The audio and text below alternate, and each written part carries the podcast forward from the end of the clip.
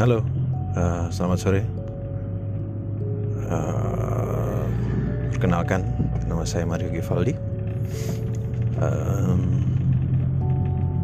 ya umur saya mendekati berbahaya sih, tapi ya di sini saya pengen cerita lebih ke arah curhat sih. Uh, jadi uh, saya anak pertama dari tiga bersaudara. Uh, saya bekerja di salah satu perusahaan swasta dan sudah berkeluarga. Dan saya juga punya dua orang anak yang lucu-lucu dan uh, istri yang saya sangat sayangi dan juga keluarga yang masih lengkap ayah dan ibu juga dua adik yang saya sayangi. Yang ingin saya ceritakan adalah pengalaman uh, menjadi anak dari keluarga maaf uh, broken home. Ya, jadi papa dan mama saya itu cerai uh, karena ya satu lain dan hal lah, satu dan lain hal balik jadi uh, di sini saya pengen cerita sih. Dulu saya tuh ngebayangin oh no no no. Saya nggak pernah sih ngebayangin akan jadi kayak gini gitu. Jadi saya juga nggak pernah ngebayangin gimana rasanya punya keluarga yang broken gitu ya. Karena ya ada sih teman-teman saya juga banyak gitu, yang broken home ada. Dan saya cuma bisa denger gitu. Dan ini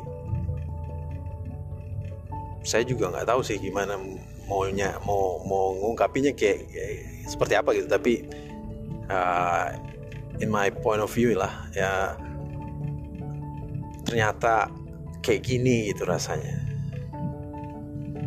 Jadi sekarang tuh saya baru tahu rasanya ternyata sesakit ini gitu.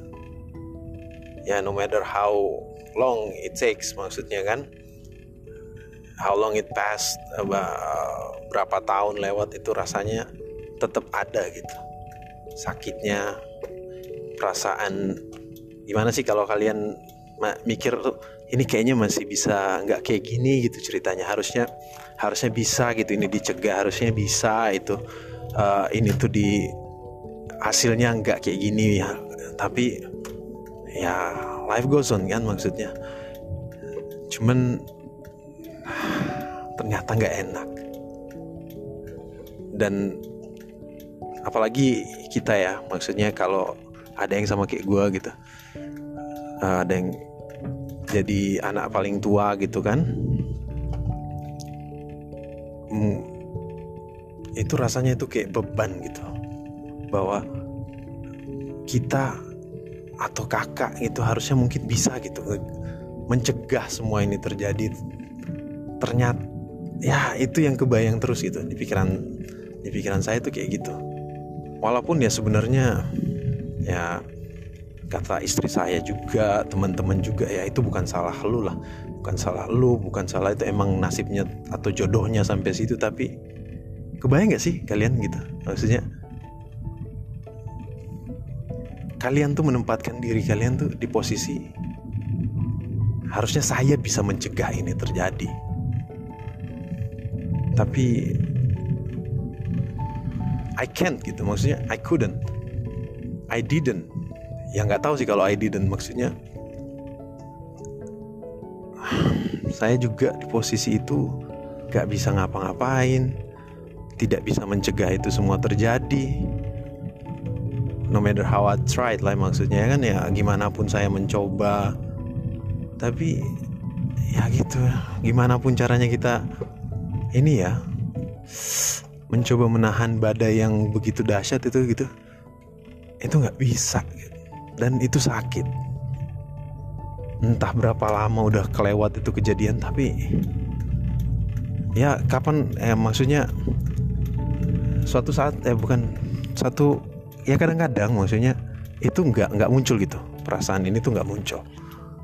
Tapi pasti deh bakal satu saat gimana pun kondisinya ini cerita nih bakal muncul terus di pikiran. Bakal bolak balik.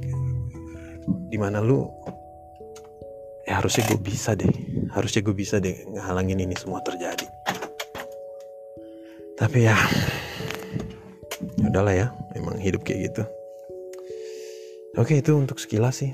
Mungkin podcast berikutnya nanti gue ceritain lebih detail lah ya. Thank you for listening. Selamat sore